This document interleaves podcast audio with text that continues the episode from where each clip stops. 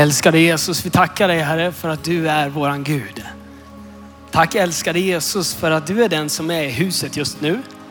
Du är som våran pappa och du har så stor omsorg om var och en av oss Herre.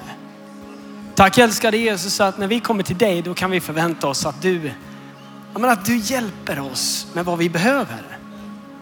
Jag är så glad för dig Jesus. Jag är så glad att ha dig som vän.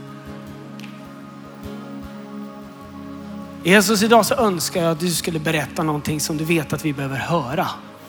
Ge oss det som du vet att vi behöver höra. Du vet vår önskelista, du vet allt det där som vi längtar efter och allt det där. Men Jesus, det du vet att vi behöver idag, låt det på något vis bara landa.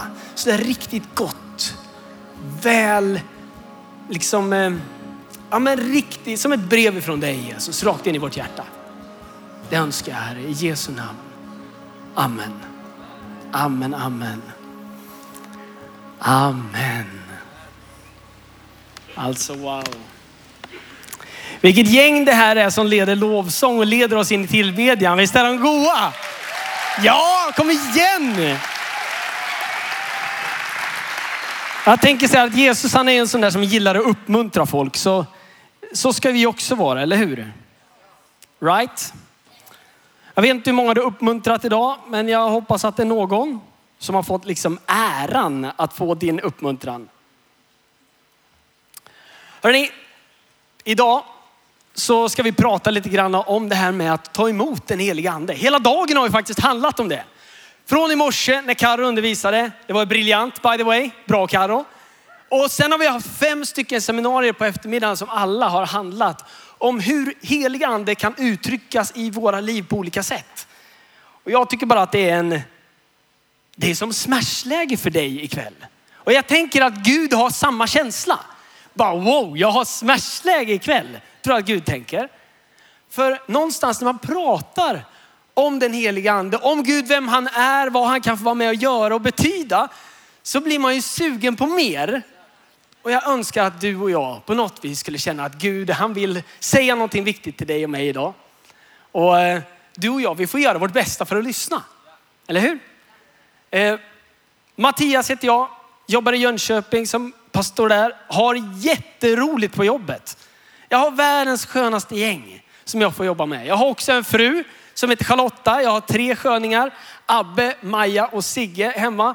Och de kommer ju njuta av Nyhemsveckan här om en liten stund när det sätter igång för alla barnen. Jag vet inte, det här med papparollen som vi sjöng om. Pappa Gud, you're a good, good father. Och vad har du för liksom referensram till det? En del har världens bästa pappa och kan tala ut det hur gott som helst. Och andra har kanske saknat det. Och jag vill bara berätta för dig att Gud, han är som en god, god pappa. Han är den bästa du kan tänka dig av pappor. Och du som behöver det idag, du ska verkligen på riktigt då få hoppa upp och sätta dig i hans knä på något sätt idag. Jag tror att Gud vill ge dig någonting väldigt gott. Väldigt, väldigt gott. Jag minns första gången som jag hörde honom. Jag minns. Jag var ungefär 13 år. Jag låg i min säng hemma och jag hade börjat läsa en bok. Och rätt vad det är så hör jag bara någon som säger Mattias. Och det är vad jag heter alltså. Mm. Han bara sa Mattias och det var inte sådär bara, åh vem var det? Det lät som att någon är i mitt rum. Nej, på ganska kort, alltså det hände direkt så förstod jag, vänta nu, antingen så är det här supermycket fantasi och jag är helt galen nu, eller så är det Gud. Och jag blev sådär, vet, när Gud säger någonting, då är det både uppmuntrande, det är tröstande, det är uppbyggande och allt det där kommer samtidigt. Och så var det för mig, fast han inte sa någonting om de sakerna, så var det som att han bara sa mitt namn. Och du vet, jag blev så glad. Jag tänkte så här, va? Han kan mitt namn. Och det har ju jag hört hela söndagsskolan. Han vet hur många hårstrån du har på huvudet. Han vet precis vem du är. Han vet mycket mer om dig än vad du vet typ. Det där har man ju hört, eller hur? Men när man möter den man har hört om, då händer någonting ännu starkare. Eller hur? Och jag vet inte vad du har för liksom erfarenheter av att lyssna på Gud. Jag hade ju bett till Gud och fått bönesvar innan dess. Men någonstans så började någonting i mig förstå att jag kan ha ett samtal med Gud. Och det har varit en jätteviktig nyckel för mig. Det har inte varit så att jag hör honom exakta meningar och så pratar jag tillbaka exakta meningar. Det är mer komplicerat än så. Och samtidigt så är det enklare än så. För han vet vad du har på din tunga redan innan du säger de orden, står det. Alltså kan du förvänta dig att det där samtalet med Gud går mycket snabbare än vad du har tänkt dig. För redan när du har sagt någonting så kan han svara på en gång. Och ibland så går det tanke fort. Så man bara, jag tänker en tanke, oh nu fick jag en tanke. Och så tänker jag en tanke och så fick jag en tanke. Samtalet du vet med Gud kan vara enklare än vad du tror. Och jag vill påstå att snacket och samtalet med Gud är närmare än vad du tror. Du som har längtat efter det här med att ha någon typ av konversation med Gud. Det kan ligga närmare dig än vad du tror. Sen är vi människor väldigt olika. Så jag menar, en del de, de behöver en annan sorts kommunikation med Gud. Men för mig så betyder det där jättemycket från början och gör fortfarande. Jag är beroende av det där. Och när det blir torka och jag tycker att jag inte hör Gud, kalla mig knasig, men alltså när jag inte tycker att jag hör Gud, då säger jag det. Gud, nu är det för tyst. Vad är det för någonting? Är det, är det för högljutt det jag är? Eller varför hör jag inte dig? Jag behöver höra dig. Och så kan jag bli riktigt arg ibland. För att jag tycker att nu borde du snacka, jag behöver ju det. Och ibland så blir jag bara ledsen för att det var länge sedan. Och vet, någonstans i den här kommunikationen och längtan framåt, då händer någonting. Det finns gudsmöten som har fått min tro att överleva. Och det där var ett av dem. Det har inte bara fått den att överleva, utan det har fått min tro att växa sig stark. Och nu kanske min tro är oprövad i jämförelse med din. Svårigheter som du har mött kanske mycket svårare än vad jag har varit med om. Men jag tror att Gud han är alltid starkare än svårigheter. Som vi hörde i början, vi kan alltid sjunga till Gud för att han står alltid över omständigheter och svårigheter. Hans kärlek är mycket större än svårigheter. Han backar upp dig och mig så mycket han bara kan. Och jag tror, alltså i Sverige idag, då finns det ju människor som menar att nej men det här med upplevelser, det är inte det viktiga. Det är påhitt, det är någonting som ligger åt sidan. Det viktiga det är fakta, det är Ehm, det är utvärdering, det är reflektion, det är intelligenta grejer som får oss att veta vilken riktning ska vi åt? Vilket håll ska vi åt? Hur ska vi tro? Sen finns det också de som menar att upplevelse för själen är fantastiskt. Du vet, det är mängder med konserter och man bara, ni sitter och njuter på bra konserter. Har ni varit på en bra konsert? Alltså det är ju inte bara så här, örat njuter, utan det är ju, man njuter ju med själen, man njuter med hela kroppen av en bra konsert. Det finns andra grejer, hälso, eh, liksom tips och kost och träning och allt det där som hör till kroppen och själen. Som är upplevelser som vi faktiskt längtar efter som bara den i Sverige. Vi använder det i alla fall, det blir reklam överallt och så vidare. Sen finns det också den aspekten av en, en längtan som är efter någonting djupare som är ande. Alltså man brukar beskriva en människa som att det är ande, kropp och själ enligt Bibeln. Och det finns en längtan där som Gud på något vis kan koppla till som uppfyller både ande, kropp och själ. Alltså Gud han bryr sig om hela dig. Så ikväll och idag när vi har pratat om den helige ande så handlar det inte bara om att ja, men jag kan sköta min kropp så här och jag kan sköta min själ så här. Men bara jag är andlig så är allt okej. Okay. Utan Gud han vill omfamna hela dig. Han är mån om hela dig. Han vill vara rädd om hela dig. Han vill att du ska må bra till ande, kropp och själ. Och jag önskar att du som känner så här, jag har fått någon typ av skada längs med livet. Alltså en olycka har hänt eller något du har varit med om. Där Gud behöver få hjälpa dig att bli hel. Där. Därför är den här kvällen viktig för dig. Den här kvällen så vill Gud röra dig både till ande, kropp och själ. Och det spelar ingen roll sen när vi öppnar förbönsplatsen. Det kommer vara många som går dit.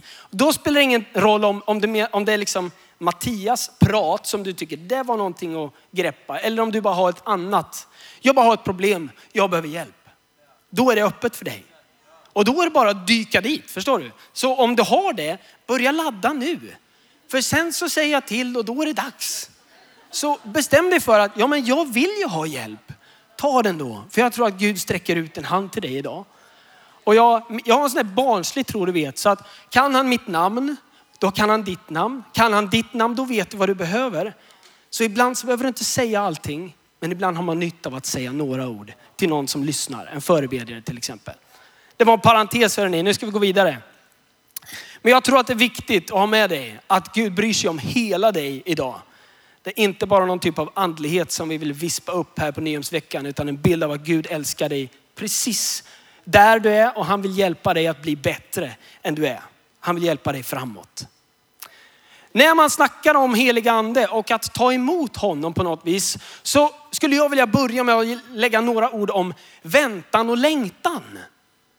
Jag vet inte om du har varit med, för det finns ett, ett bibelord eh, ifrån Lukas 24 och 49. Där står det så här, vänta i Jerusalem tills ni blir beklädda med kraften ifrån höjden. Alltså Jesus säger till sina lärjungar, jag behöver dra, jag ska till himlen, men jag kommer lämna en hjälpare till er, den heliga ande. Och det kommer vara bättre för er att jag går, för han är mycket vassare på att hjälpa många samtidigt, förstår ni? Och det var det som hände där. Jesus lämnade och han låt anden komma. Men det fanns ett ord där i början av versen, eller hur? Vänta. Vänta i Jerusalem, sa han till sina lärjungar. De hade alltså inte allting på en gång.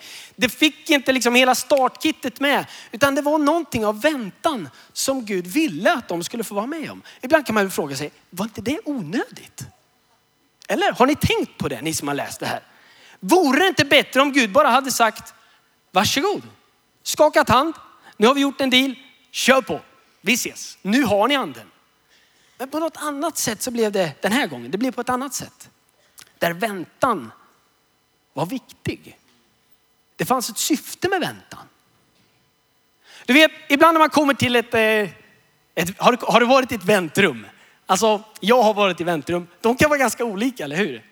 Det finns ju de väntrummen där man kommer in och så känner man att man tittar på möblerna, man tittar på duken på bordet, man tittar på blomman och man känner att de har ju väntat alldeles för länge. Alltså det har varit, det här är, nej, nej, nej, det här är typ, tidningarna är från 2010 och, och liksom, man kommer dit, man fattar inte, har ingen som bryr sig om det här? Här sitter verkligen bara folk och väntar så att till och med möblerna blir uttråkade. Alltså det är märkligt, eller hur? Men sen finns det en annan typ av väntan. Kommer ni ihåg när man var liten? När sommarlovet var slut, man började skolan, vad längtar man till då? Julafton. Va? På en gång! Åh, tjena nu är det jättenära julafton. Jag har aldrig varit så här nära julafton som jag är den här dagen i år. Och så gör man sitt bästa liksom för att hålla undan det där äh, som faktiskt tar tid. Öh, väntan. Men man väntar med ett annat perspektiv. Man vet att det är någonting som ska komma, eller hur? Man längtar efter, åh, jag börjar redan skriva en önskelista. Eller man vill ha någonting till exempel. Och så där någonstans så så blir väntan en helt annan sak än att sitta bland uttråkade möbler och tidningar. Utan man väntar med ett perspektiv om att någonting ska komma. Det ska, jag kommer att få någonting. Jag längtar efter den där gåvan, eller hur? Det är det som jag tycker är så vackert med väntan som lärjungarna får vara med om. För det här är inte på något vis, även om man vet att det är väldigt bra att sitta i väntrummet, även om de är tråkiga, eller hur? För till slut så kommer man ju till doktorn typ och den hjälpen behöver man ju, eller hur? Så även den typen av väntan är viktig för att komma i mål. Men det Jesus gör när han säger någonting om den helige ande, det är att han utlovar kraft. Han utlovar påfyllning, han utlovar en gåva. Vänta i Jerusalem tills ni blir beklädda med kraft ifrån höjden. Alltså den helige ande ska komma och hjälpa dig. Jag tycker att det här är fantastiskt för Jesus han är han är så omsorgsfull så han visste vad lärjungarna behövde. Och jag är övertygad om att de behövde den där väntan. precis som resten av gänget i Bibeln, om man tittar i gamla testamentet till exempel. Då finns det ju, men tänk på David. Om ni har koll på kung David kallar man honom, men han var ju herde från början. De sa ju till honom, det kom en profet och som smorde honom, hällde olja på honom och sa du ska bli kung.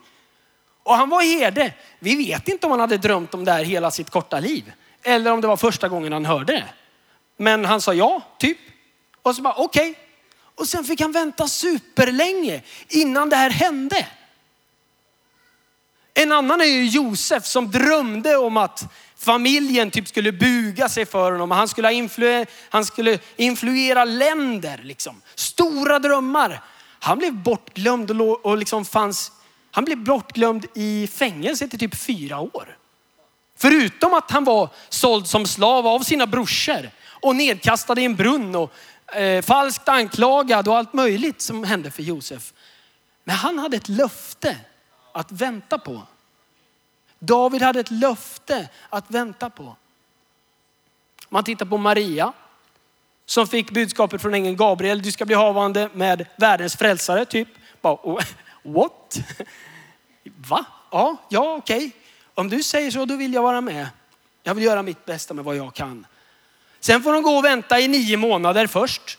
Sen när Jesus kommer, då blir det ju på något vis en boost när alla de där liksom vise männen och herdarna kommer och liksom gratulerar. Och, men sen får du ju vänta i 30 år på att Jesus liksom ska komma, ja, komma igång typ. Han säger det är inte tid än. Du får vänta mamma, vänta det kommer, det kommer. Förstå, gå 30 år, uppfostra en pojke. Hur ska det gå? Förstår ni? Men tänk vad hon fick vänta. Men hon stod på löftet som Jesus, eller som ängeln Gabriel hade gett henne.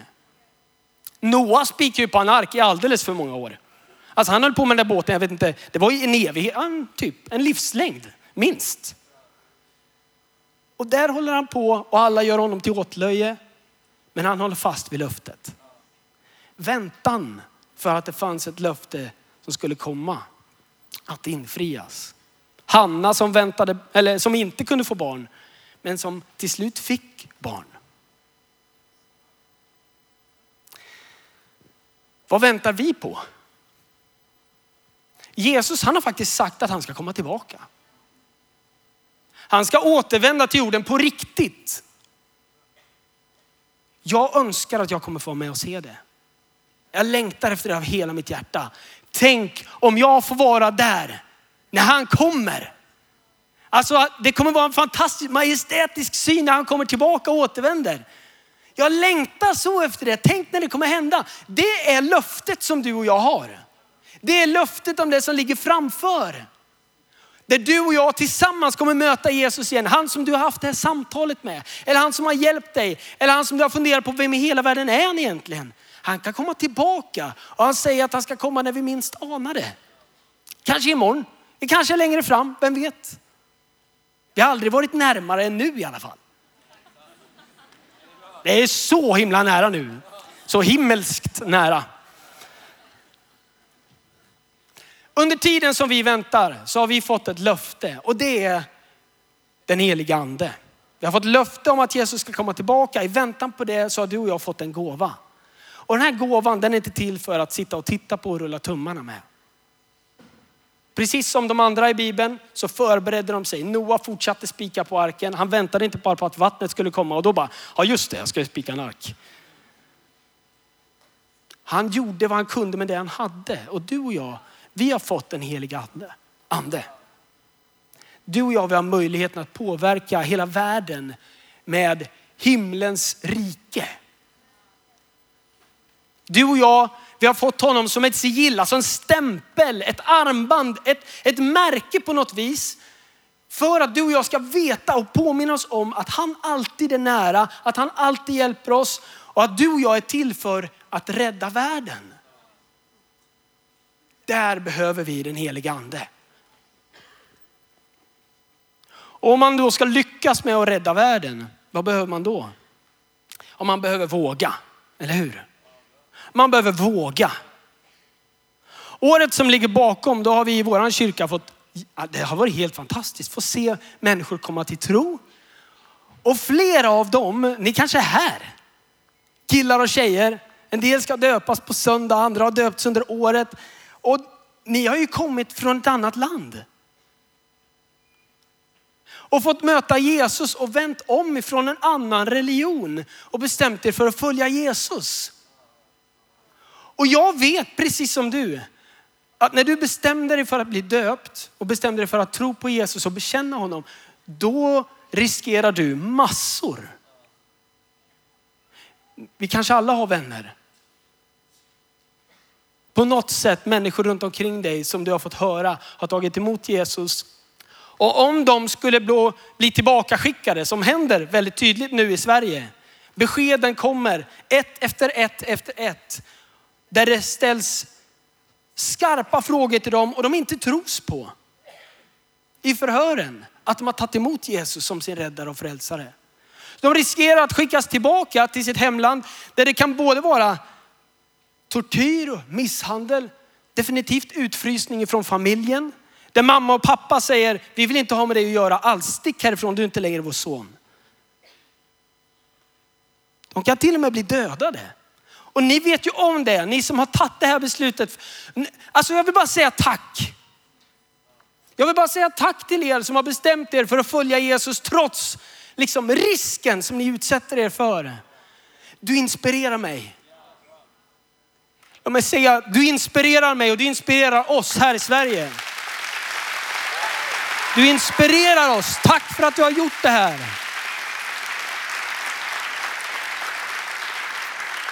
Tack för att du har tagit Jesus på allvar och hjälpt oss att förstå hur viktig och stark han är.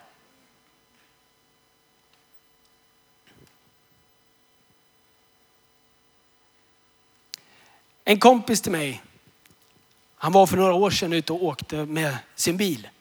Han hade sin flickvän med i bilen. De skulle åka iväg någonstans. Och eh, han hade en Mazda 323. Det är typ en hundkoja på hjul. Det är en liten rackare till bil. Och den var inte så där himla läcker och fräsch i färgerna. Utan den var lite dassig om jag ska vara helt ärlig. Alltså man tänker att ta, ta, hand om sin bil. Men jag kastar sten i glashus kan jag bara säga. Min bil ser ut som... Ja. Det ser inget bra ut i alla fall. Tobbe som han hette, eller heter, han, han hade den här bilen. Han var ute och körde, det var på motorvägen. Rätt vad det är så kommer det upp en, en Subaru bakom. En sån där glänsande, vacker, snabb som bara den. Lirar upp bakom och förstår att hej, det här kan bli spännande. Nu, nu ska vi glänsa lite med min schyssta bil. Så de väljer, åker upp jämsides bredvid Tobbe, hans flickvän och hundkojan. De bestämmer sig för att nu är det race som gäller. Så de tittar in, får någon typ av ögonkontakt. Jag vet inte hur det funkar, jag är inte så bra på att racea själv. Eh, men jag berättar bara berättelsen. Och drömmer om att det var jag. Mm. Nej, Nej men där börjar det. Tittar in, båda förstår det är dags för race. Tobbe han var en speciell kille, är fortfarande en speciell kille. Han var den där du vet som, som fixade mer spel till tv-spelskonsolen än vad han spelade. Förstår ni? Han grejade, grejer. han var en fixare. En riktigt grym fixare. Och det den här Subarun inte hade en aning om, det var att Tobbe fixare hade tryckt in ungefär 3 till 400 hästkrafter i sin lilla hundkoja. Alltså det var en vansinnesåk. Men den såg ut som på utsidan.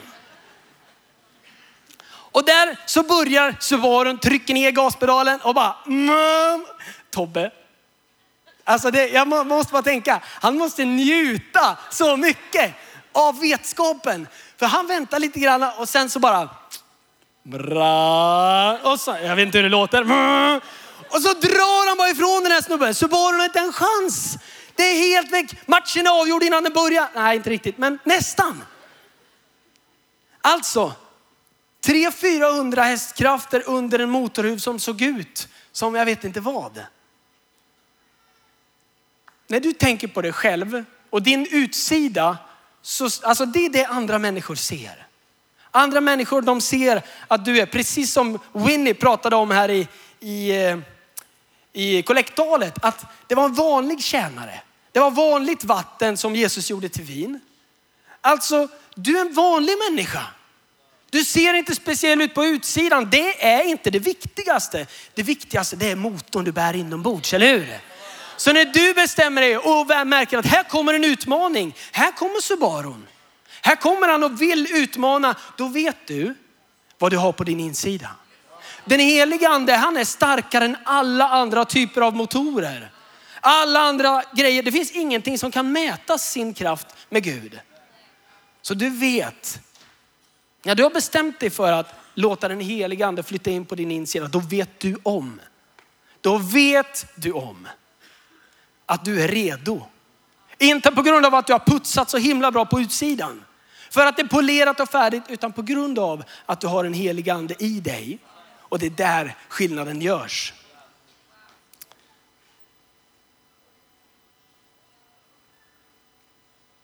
Jesus han har låtit oss fyllas med anden och gett den möjligheten, tillgången till anden. Så när vi är trygga, vi kan vara trygga oavsett motstånd som du, du och jag möter. Det kan se precis helt olika ut vad som är din utmaning just nu. En del är hands-on, annars är, annat är liksom jättefluffigt. Händer någonting i din tanke medan andra möter andra människors utmaningar. Gud vill vara med dig, han vill fylla på dig idag så det bara stänker om det. Om man får säga så, för det tror jag faktiskt. Han vill vara med dig när du berättar om Jesus, även fast alla andra tycker att det verkar lite opassande att du pratar om Jesus. För vet du, det är precis som Karo nämnde i förmiddags, predikan från i, morse, från i morse, att det är när du ställer dig utanför din bekvämlighetszon som det händer någonting. Så var redo, för rätt vad det är så kommer det. Allt för Jesus. Oavsett vad andra ska tycka och tänka. När andra tittar snett för att du berättar om din tro, då är det allt för Jesus. Allt för Jesus. När familjen tycker att du är lite för andlig för att du läser Bibeln, kom igen. Allt för Jesus. När du liksom, när dina vänner börjar pusta för att du kanske ber en bordsbön som du brukar göra, kom igen. Allt för Jesus. När tjejen dissar dig för att du väljer kyrkan, kom igen, allt för Jesus. När killen inte hakar på dig för att du har bestämt dig för att kyrkan är viktig för dig, kom igen, allt för Jesus. När polarna hackar på dig för att de tycker att du tjatar med att bjuda in dem till, sko- till liksom kyrkans fest, kom igen, ge det inte. Allt för Jesus. Det är det som funkar på längden. Kanske när du bestämmer dig för att ta en cola istället för att supa skallen av dig. Kom igen. Allt för Jesus. När andra vänder sig om för att du berättar om Jesus och de blir sugna på att höra. Allt för Jesus. Eller hur? Ja, men när kompisar vill haka på när du ber bordsbön. Allt för Jesus. När familjen fattar att du blir ju bättre när du läser Bibeln. Kom igen, allt för Jesus. Eller hur? När tjejen eller killen hakar på till kyrkan för att du inte struntade i kyrkan. Ja, vadå? Allt för Jesus, eller hur? Ja, men det här är viktiga grejer. När din klasskompis bestämmer sig för att den vill haka på till kyrkan för första gången. Allt för Jesus. När din klasskompis tar emot förbön eller tar emot Jesus för första gången i sitt liv. Allt för Jesus, det var värt det. När din klasskompis kommer till sin klass, ja eller hur? När din klasskompis kommer till sin klass och börjar berätta om din och hans eller hennes tro. Allt för Jesus. När din klasskompis bestämmer sig för att faktiskt be för nästa klasskompis. Allt för Jesus. Alltså vad drömmer du om? Vad längtar du efter? Och där har du och jag ingen chans själva. Vi måste ha anden. Vi måste ha hans hjälp. Det finns inget bättre. I Kolosserbrevet 4 och 17 så står det, se till att du fullgör den tjänst du fått ifrån Herren. Alltså, du och jag har fått en utmaning att hjälpa och rädda världen. Hur gör vi det? Jo, men det är och handlar endast om att en och en, en i taget, får möta den Jesus som du har lärt känna. Alltså när du har lärt känna Jesus så får du berätta det vidare. Och där händer någonting fantastiskt. För där får Gud kliva in på banan.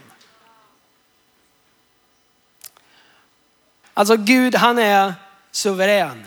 Det står i Bibeln att du är hans tempel. Okej? Okay? Jag ska be lovsångsteamet att komma upp. Kom upp gänget. Det här, alltså, han, så här. Han, när han ser dig, då ser han inte bara, alltså han, så här står det i Bibeln, du är ett tempel för Gud. Han kan bo i dig. Och när han kommer in i dig, och lyssna noga nu, då är det inte så att han tittar på dig och bara, wow, wow, wow, wow. Vänta nu, det här är ett vansinnesjobb. Det här renoveringsprojektet går jag inte med på. Vi skippar det här huset. Nej, vi går vidare till nästa. Eller hur? Han är inte sån. När han kommer in i ett hus, oavsett hur det ser ut, så ser han potentialen i huset. Han tittar i alla vrår. Han går till och med ner i källaren. Där de mörka utrymmena finns hos dig. Och där så håller han inte undan. Där går han in och så bestämmer han sig för att se potentialen i dig. Och han säger, ej vänta här, det här blir perfekt. Här ska jacuzzin vara. Eller hur? Uff. Det här blir en riktigt bra relaxavdelning. Det har varit mörka, hemska utrymmen innan, men nu ska det bli relaxavdelning av det här. Här får duschen vara, jacuzzin är där, bastun blir perfekt här. Ta-ta. Du vet, när han tittar på dig och han ser de djupaste mörka sidorna som du kanske skäms för, då drömmer han om den du kan bli. Han drömmer om den du kan bli. För han har skapat dig med ett syfte att bli något helt annat än vad du har lyckats med hittills. Alltså jag tänker att Jesus han har låtit den helige ande få hoppa in i mig. Han vill göra Mattias till den bästa Mattias jag bara kan bli. Jag har jättelångt kvar. Det han gör, det jag upptäckt bara, det är att när jag bestämmer mig för att låta honom få tid att gå och städa. När jag låter honom få tid att hålla på och designa och inreda, men då blir det bara bättre och bättre hela tiden. Så är det.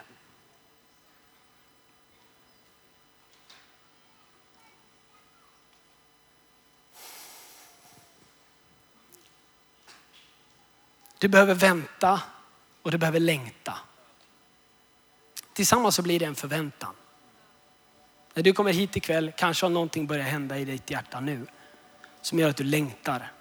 Har en förväntan på att Gud ska göra någonting. Och idag så vill vi liksom, vi vill att du ska få smaka på Gud. Och jag skulle vilja säga så här att det handlar inte bara om att smaka. Jag vet att en del av er är så sjukt laddade för att få en upplevelse av det där fantastiska, stora guden som kan göra mirakler och allt det här. det längtar du efter. Och jag vill bara säga bra! Sträck dig mer efter det, det är helt rätt. Om Gud, det står att Gud han är liksom, han, han ska döpa oss i ande och eld, står det ju. Och när du och jag tänker på eld så kanske en del bara känner så här, alltså på en gång Gud, ge mig en skogsbrand på en gång. Alltså jag är så sugen, jag tar vad som helst. Bara släng det på mig, kör, kör, nu tack, tack, eller hur ska jag göra? Eh, mm, eh, mm. Man bara vill ta emot, gör hur du vill Gud. En del andra blir livrädda för tanken på skogsbrand. Men ni vet, man ska tända lågan i en, eh, jag vet inte om ni lagar mat här på Nyhem eller om ni bara köper grejer. Men här kan man ju liksom trycka och man kan ju hålla på med gasolkök liksom. Då behöver man ju trycka in en grej har jag ju lärt mig. I husvagnen, en liten spak. Sen ska man tända en tändsticka samtidigt. Hur man nu gör det. Man kan vänta med den ena i och för sig. Bra, bra. Ja, men man ska tända en tändsticka och man ska både sätta på gasen samtidigt. Och rätt vad så närmar man sig tändstickans eh, mot gasen och rätt vad det är så bara Fu! Och så börjar det brinna och man bara Whoa! och sen slocknar det på en gång. Eller hur? Har ni testat det? Alltså man försöker tända igen, man gör samma grej igen och så bara Fu! och sen släpper man och så bara, nej men det man har lärt sig efter ett tag då, och man lyssnar på dem som kan sånt här, det är att man ska tända och sen ska man försiktigt släppa tillbaka den där knappen. En del kanske testar det för första gången i, imorgon. Liksom. Prova det. Det är mycket lättare med en tändsticka i alla fall. Vet du, man behöver den där gasen som tänds på och den lilla lågan som brinner. Om jag tänder den för att hålla värmen i husvagnen, då är det en liten låga som brinner. Men den håller värmen i husvagnen jättelänge. Ibland så underskattar du och jag den lilla lågan. Det är lika mycket eld.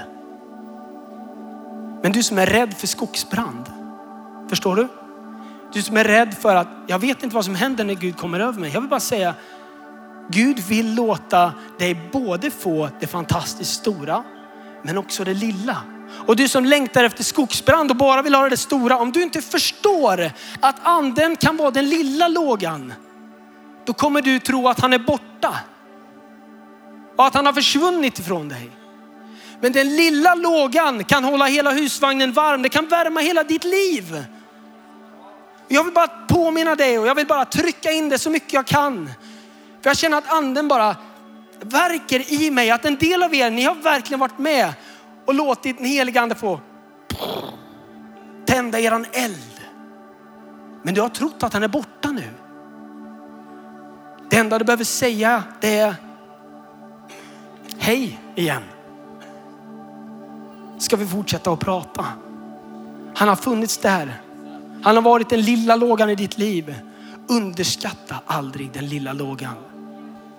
Och underskatta aldrig den stora, om ni förstår mig rätt, skogsbranden som kan få liksom greppa tag om hela dig. Jag skulle vilja att vi reser oss upp i hallen nu. Och så ska vi gå in för en stund som vi, ja, vi säger att det är en förbönsstund. Och det är för att det här gänget som står här borta, de, ni ser dem knappt där borta, det är ganska mörkt, men de är supersköna. En del av er har lärt känna dem, andra vet inte vilka de är. Och det spelar inte så stor roll. För de har bestämt sig för att ta vara på motorn på sin insida. De står inte där för att de är coola, utan de står, även om de är det. Men de står där för att de har fått något på insidan som de vill dela med sig av till dig. Och nu så finns det det tillfället för dig som jag pratade om i början. Oavsett om du längtar efter den heliga andes närvaro i ditt liv eller om du känner så här, ah, jag har någonting annat som jag verkligen behöver hjälp med nu. Så är den här platsen öppen för dig strax. Och det jag skulle vilja fråga, jag skulle vilja be dig resa en hand snart. Alltså sträck upp en näve i luften. Och min fråga till dig det är så här. Vill du ta emot av den heliga ande? Vill du längta och vänta? Vill du våga? Och vill du ta hand om din låga? Vill du ta emot den heliga ande? Nu får du sträcka upp din hand i luften ifall du känner så här, jag vill det. Jag längtar efter det.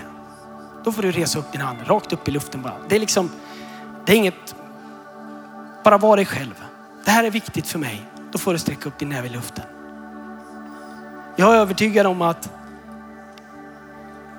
Gud vill ge dig något fantastiskt idag.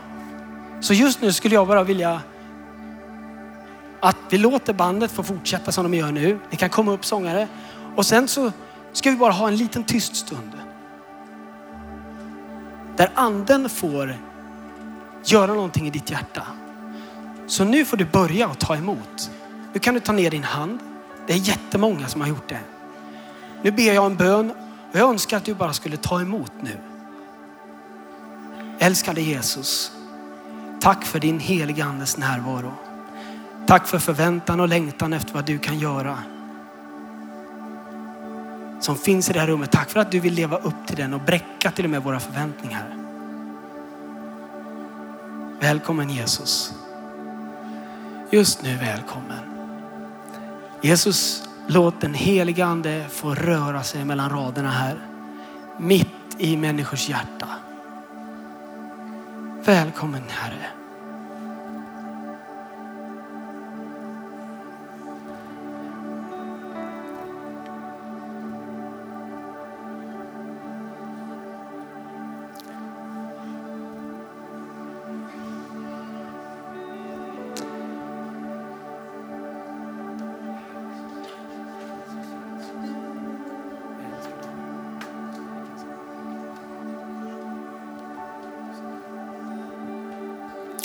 Nu tänker jag så här att den här stunden som är fortsättningen på mötet nu, då är den här platsen här borta öppen.